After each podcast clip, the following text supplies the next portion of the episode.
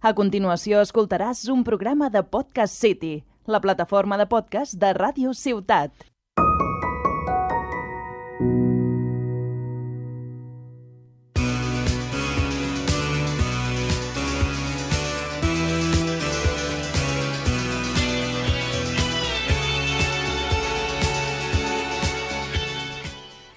Benvinguts a un nou episodi del podcast Parlem del Nàstic. Avui parlarem del partit contra el Real Madrid-Castilla, farem la prèvia pel pròxim partit davant del Jaziras Club de Futbol i comentarem l'entrevista realitzada al president del gimnàstic al programa de Bon Dia Tarragona a la mateixa ràdio Ciutat de Tarragona. El Nàstic de Tarragona guanya per la mínima el filial del Real Madrid en un partit en què es va guanyar en defensa i per la màxima efectivitat. El pròxim partit serà davant del Jaziras Club de Futbol, un equip que té com objectiu estar a la zona alta de la classificació i vindrà a lluitar els 3 punts. Com sempre començarem pel partit jugat, és a dir, pel postpartit, i pel que fa al partit contra el Real Madrid-Castilla, com he dit abans, guanyem per la, per la mínima, 1 a 0, en un partit en què va dominar el Castilla, però el gimnàstic, com va dir el tècnic Raúl Agné, és, el duel que es, és, un, és un dels duels que es guanya defensant, perquè es va guanyar defensant, perquè la, van fer la tàctica de 11 autobusos allí dintre, i allí ningú passa i aprofiten el contra, xutar i marcar. I això se li diu màxima efectivitat. Malgrat aquest domini, el migcampista surià Javier Bonilla es va treure una fuetada, un xut potent des de fora l'àrea, digue-li com vulguis, per marcar el primer i únic gol del partit, i fa, i fa uns programes enrere, diria que hi ha el partit contra l'Andorra, que no cal recordar-lo, vaig dir que el futbol se guanya per gols, no per bon joc i ocasions, que és el que ens passa en molts partits. En aquest pas ens va ser el contrari. Poques ocasions, un xut entre els tres pals, un gol. Per tant, aquí es torna a afirmar aquesta, aquesta afirmació que el futbol són gols, no ocasions, ni pals, ni l'altre. Però el Castilla no va ser capaç de marcar un gol. Això són molts partits que li ha passat al Nàstic a fora a casa i a casa també, com per exemple contra l'Albacete Balears, que mar... vull dir, no marquem, sinó xutem, intentem marcar, però no hi ha manera de que el piloti traspassi la línia i entri a l'àrea de gol. I aquest resultat de mm, victoriós va ser degut a un altre cop una defensa excepcional que va estar formada pel porter Manu García, que en algunes, en algunes ocasions mm, va estar molt erràtic, perquè se'ls va escapar la pilota en dues ocasions que potser no caldria que se les escapessin perquè ens vam portar més d'un ensurt, però, la, però el central que va demostrar que actualment és un dels millors centrals del Nàstic és el de Vilafamés, Marc Trilles. Marc Trilles va ser un del millor del partit, per mi el millor, perquè no arriba a ser per aquella ocasió que la treu de sota pals, la treu de la, de la línia de gol, després d'una jugada molt bona del Real Madrid-Castilla, que la treu de la línia de gol, i aquella va ser jo crec que la jugada del partit, a part del com he dit abans, del xut de Bonilla que va acabar en gol, però aquella, aquella part en defensa és com si fos un gol allò, perquè aquella salvada la fa poques vegades, però quan la, com en aquest cas quan la fa, la fa bé i la fa molt bé. I a la, la defensa també, seguint amb aquesta línia, va estar amb Joan Oriol a lateral esquerra, Quintanilla també molt bé, al igual que Trias, com acabo de dir, i Pol Domingo un altre cop, un partit en defensa, molt bo que, que fa, és central, reconvertit en lateral, i un altre cop defensa que Pol Domingo és millor que el Barran, i quan està Pol Domingo guanyem més que que amb el Barran. I el mateix passa amb Trilles quan hi ha Itami. Amb Trilles guanyem, amb Itami perdem. És aquesta la que podem dir, per tant, actualment podem dir que Marc Trilles està molt millor en forma que Itami Artiles. Això no vol dir que Itami Artiles sigui més dolent que Marc Trilles, perquè per mi Itami Artiles té més... O sigui, té més sigui, té més valors defensius que Martrilles, degut a la seva, al, al, diguéssim, al seu passat com a les Palmes de Gran Canària primera. Però Martrilles en, el, en aquest moment de, en, està en millor forma en aquest moment, en l'actualitat, que Aita Mirtides, i Pol Domingo actualment jo crec que és millor que Carlos Albarrán. De, ofensivament no, però defensivament no hi ha manera. Vull dir, defensivament la diferència és molt gran entre un i l'altre. Amb el Barran, les coses, quan el Barran és un lateral dret ofensiu, que és a dir, li agrada molt pujar. En canvi, marquem, en rebem molt gols perquè la seva banda està descuidadíssima. En canvi, els extrems digue, aprofiten anar per aquella banda dreta per, que, perquè saben que és la banda més dèbil que té Nàstic, però ara en Pol Domingo aquesta, aquesta banda i aquest problema ja s'ha solucionat. A l'equador de la segona part vam poder veure el debut del colombià Juan Camilo Becerra, que va fer un partit on el vaig veure amb falta de rodatge, en moltes ocasions podia haver pressionat, no va pressionar, als minuts finals del partit, amb un defensa de Madrid-Castilla que portava tot el partit i ell, que portava uns 30 minuts, no va saber-li competir una carrera en els minuts finals que, havia que hauria suposat el 2-0 i ja la victòria definitiva per la calma, però no va ser així perquè no va estar tan veloç ni àgil degut a que jugava, a, a que jugava poc a la Pontferradina, per no dir que no jugava res. Al final, si tu no jugues durant una, una volta a un equip, la falta, diguéssim, aquesta falta de minuts es noten en, en diguéssim, es noten en el físic. I degut també la poca efectivitat que va dir a la poca atac que va generar el Nàstic. I als minuts finals del partit també va demuntar el jove de la Pobla de Fomenet Marc Montalvo, que porta 12 temporades aquí al Nàstic, per fi va debutar amb el primer equip, i la Pobla, aprofitant que també ve de la Pobla, com he dit abans, que és el filial, va guanyar el Vilassar 1 a 0 per la mínima també, s'allunya d'aquests llocs de descens de la Pobla, i el va marcar el gol de la Pobla Valverde, un golàs per l'escaire, que Valverde també ha debutat amb el Nàstic. Per tant, aquí amb Valverde, Montalvo, podem tindre una dupla de futur bastant bona, jo crec. O almenys ho estan demostrant fins ara si no es talla la seva carrera o passa alguna directiva com acostuma a passar. En aquest partit, com he dit abans, ha quedat demostrat que Trilles és millor que Itami, Pol Domingo millor que el Barran i aquesta defensa és intocable si no és per alguna sanció o lesió. I Bonilla, amb el gol que fa, es converteix en el màxim golejador del Nàstic, amb 4 gols. Això vol dir la... Aquest, aquesta dada demostra que el Nàstic, la veritat, ofensivament no és el millor perquè si el màxim golejador és migcampista i porta 4 gols i a més dos de seguides, en dos partits seguits a veure si ara en el tercer contra el Jazeera també, també la clave. I aquest gol ha estat el millor gol de la, de la jornada per, tot els, per tots els espectadors de Footers, que Footers és, la, és la, diguéssim, com és la, la televisió que porta, que fa retransmet els partits d'aquesta categoria i per tot, diguéssim, els espectadors ha sigut el millor gol, va ser un golaç, d'aquí... Jo vaig votar, eh, per aquest, perquè va ser, perquè va ser espectacular el gol. El nou estadi va acollir 5.737 persones, una xifra molt bona, provocada per la gran quantitat de merengues que hi havia al camp, i és una cosa que em va molestar molt, perquè això és Tarragona i aquí has de ser del club de la teva ciutat. És a dir, eh, a més d'aquesta base, vull dir, a més aquest, és fonamental ser l'equip de la teva ciutat perquè és la base d'un equip de futbol d'aquestes categories. Puc entendre que hi hagi 100 madridista, però recordem que va vindre filial, no va vindre el primer equip. Per tant, les camisetes de Ronaldo, Modric, Benzema, Vinicius, etc no pintaven ni sobraven. Aquí havies de portar samarretes del Real Madrid Castilla, no del Real Madrid del primer equip. És a dir, samarretes d'Aranda, la Tassa, i dels altres jugadors que hi han. Les samarretes del primer equip sobraven molt. I és que a més jugava l'equip de la teva ciutat, com estic recordant, contra el Real Madrid Castella, contra el Real Madrid B, no contra el Real Madrid de primera. Això és una cosa que em molesta molt i a més estaven allí els guns a l'afició visitant, la penya madridista, el Morell, portant allí... Vull dir, per exemple, una cosa que m'ha molestat molt també és quan estaven donant al començament del partit el megafonista de, diguéssim, els 11 titulars, vull dir, xiulant els jugadors del Nàstic. Puc ser que siguis madridista, però xiular, el, diguéssim, a l'equip de la teva... De la, l'equip més gran de la teva província és anar, és anar en contra del futbol.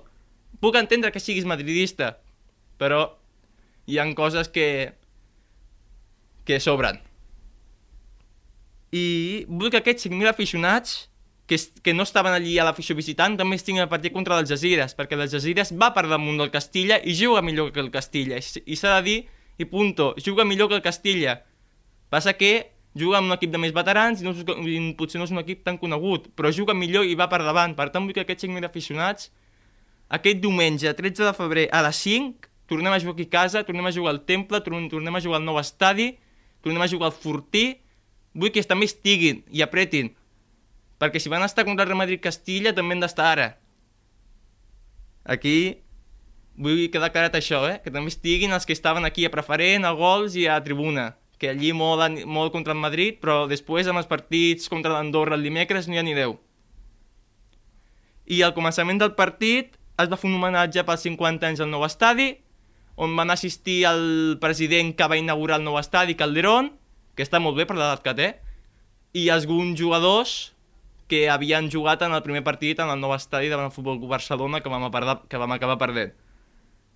I com he dit abans, el pròxim partit és contra l'Algesires, diumenge 13 de febrer a les 5 de la tarda, un Algesires que està per damunt nostre i si guanyem els avancem perquè la separació és de dos punts, per tant ens col·locaríem un punt per sobre d'ells, és a dir, un rival directe, un Algesires reforçat i regular que va alternant victòria, derrota, victòria, derrota. I si aquest ordre és lògic, ara els hi tocaria perdre perquè van guanyar l'anterior partit al meu mirador davant el Barça B, que per cert està fent una temporada nefasta, a que el Madrid Castilla, i per tant, per aquesta lògica li, li tocaria ara una derrota, que sigui així. A la primera volta l'Algesires ens va guanyar els últims minuts degut a la poca activitat grana del partit i als errors de l'alineació de Raúl Agné, però aquí no és... Aquest programa, aquest episodi, podem dir, no és per criticar Raúl Agné perquè de mentre en aquestes dues últimes jornades sembla que ho estigui mig arreglant. Per tant, no criticaré Raúl Agné perquè de mentre ho està fent bé. Però quan s'ha de criticar se'l critica i, però aquest partit, com he dit abans, és passat, ara hem de mirar el present intentar guanyar l'Algesires amb les nostres armes, defenent, atacant o com vulguem, però hem de guanyar. I l'Algesires és un equip golejador, porta 33 gols a favor i el Nàstic no en porta ni la meitat d'ells, quasi. Per tant, és una mica, de veritat, podem dir que aquí ens poden potser fer més d'un gol. I els màxims golejadors és Álvaro Romero i Roni. Roni porta uns quants partits fent hat-tricks, doblets i bé, allí enxufat, va començar malament, però ara en aquests últims partits està començant a, a sortir. I Álvaro Romero ha sigut molt regular durant tota la temporada, està sent un dels màxims golejadors de la categoria i el van voler equips tops de la categoria, com ja sigui Depor, que el va voler, el Balears, que el va voler, però ell es va, ell es va decidir quedar al Algeciras per l'amor al seu club. I, i també volien equips de la segona divisió espanyola, passa que de mentre s'ha volgut quedar aquí, i a l'Algesira es compta literalment amb un nen, Álvaro Leiva, de 17 anys, acabats de complir, que recentment ha anat convocat amb la selecció espanyola sub-18 i és una de les noves perles que té el futbol espanyol perquè té, com se, té molta qualitat, com se l'ha vist al llarg de la temporada, té molta qualitat i d'aquí uns anys no, no estic segur que estarà primera o segona amb un equip gran. Estic segur. El meu, el meu 11 titular pel partit seria Manu García a la, porter, a la porteria, Nil Jiménez lateral esquerra, Trillas i Quintanilla parella centrals, els millors en forma actualment, i Pol Domingo com a lateral dret, la línia del mig del camp formada per Bonilla, Elias Pérez, que torna, després d'estar sancionat, Pedro del Campo i Robert Simón, i la dupla atacant, Dani Romera sí que estarà, i després pot ficar Juan Camilo Becerra, Pablo Fernández, Frank Carbia, pots optar entre aquests tres. I pel partit tindrem una gran baixa, la, la baixa del capità, la baixa del lateral esquerre, Joan Oriol, que no pot estar per sanció, i ha acumulat les targetes grogues i no pot jugar. I havia jugat tot, era l'únic jugador que havia jugat de titular tots els partits, 22 de 22, i serà una baixa molt sensible. Però bueno, de pitjors hem sortit, i és un partit que sí que s'ha de guanyar, per apropar-nos als llocs ansiosos de playoff i per a, però podem tindre Nil Jiménez que bueno, no ho està fent malament malgrat el partit de l'Andorra que Rodak va dir fins aquí i no et poso més i va ser després de la lesió també que va tenir una lesió i a veure com torna també aquest és l'altre l'estic ficant però el dia del Betis va tindre una lesió Llavors aquí ja, ja no tenim lateral esquerra si no està. Hauríem de ficar un bon illa lateral esquerra reconvertit, que ja ho era abans, de que vingués Saligrat, però Saligrat el va reconvertir, i, o sigui, i el que estic dient, bon lateral esquerra, i ficar un interior més, que com pot ser Yannick Buila, que, que ja ha vingut de la Copa d'Àfrica, que va quedar eliminada per Senegal, que és l'actual campiona, la que ha guanyat. Aquesta seria l'altra, potser. Però si està Nil Jiménez, jo posaria Nil Jiménez lateral esquerra i Bonilla interior. Jo crec que seria el millor. La porra, no la diré perquè mentre guanyem la cosa funciona mentre no la dic, per tant, no cal tornar-ho a agafar. Que guanyi l'equip i jo calladet, com sempre. I el que he dit, s'ha de, de, de guanyar per seguir augmentant la confiança amb aquests jugadors, amb aquest cos, cos tècnic, que la presidència tingui més confiança en aquests jugadors, perquè ho podem fer, tenim plantilla per fer-ho, no som de les millors, però tenim plantilla per arribar al playoff, si, segur, si, a, si encadenem aquesta victòria ja tindrem 3 i estarem allí a un punt només del playoff, que jo crec que ens donarà una moral molt elevada per seguir continuant i aconseguir aquests llocs tan ansiosos del playoff, que estan a 4 punts només i els marca el Castellón. Un Castellón que porta una mala ratxa. Ahir va empatar i després el cap de setmana passat va perdre contra el Sevilla Atlético 2 a 1, 2 a 0. Per tant, té una mala ratxa, vull dir, podem aprofitar aquesta mala ratxa.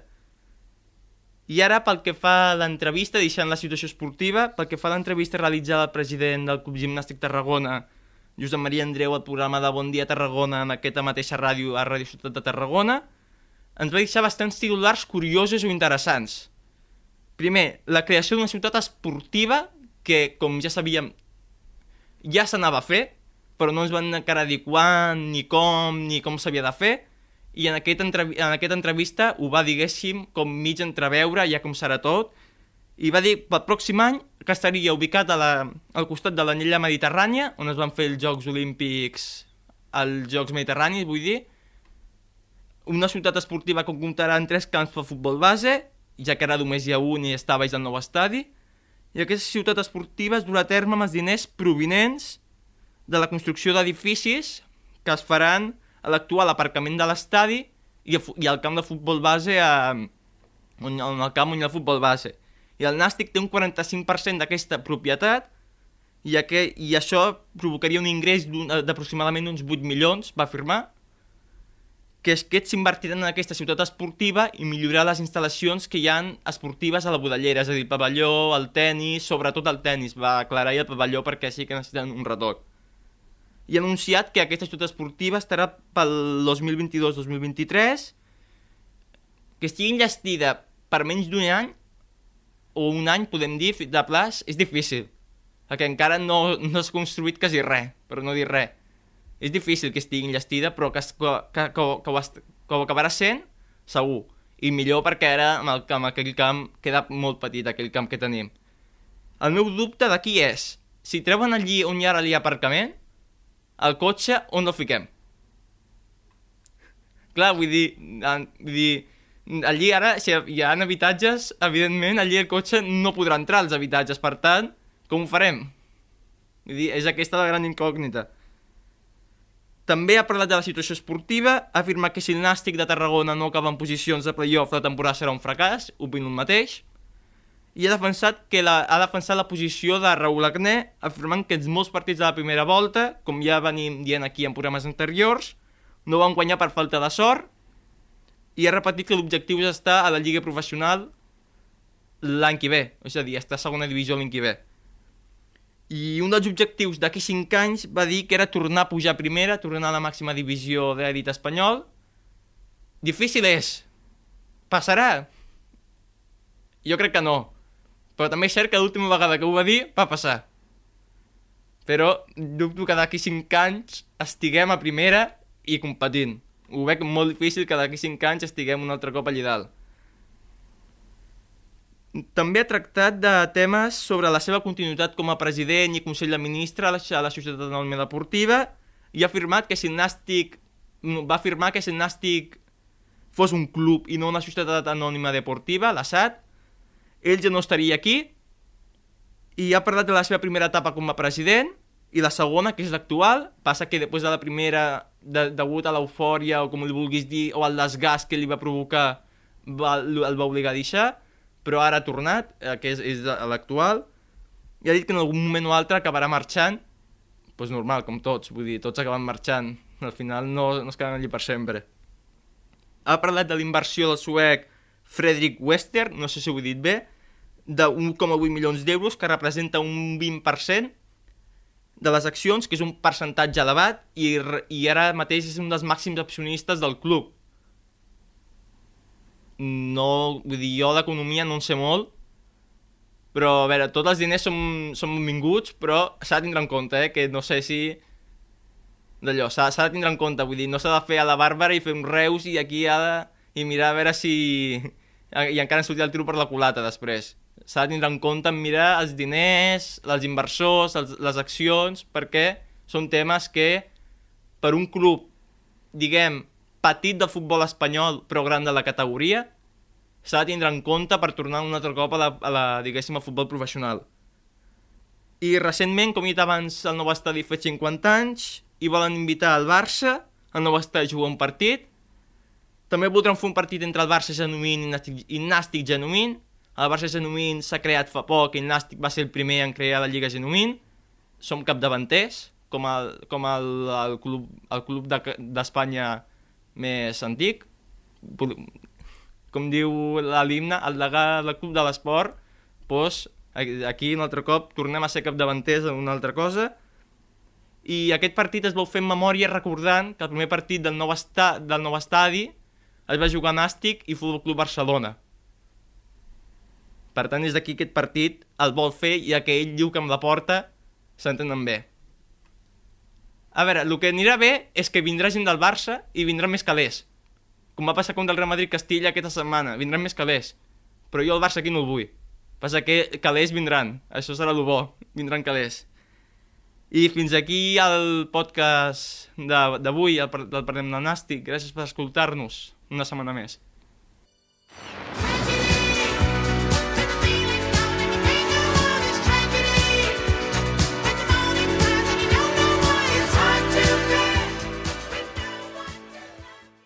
Has escoltat un programa de Podcast City la plataforma de podcast de Ràdio Ciutat.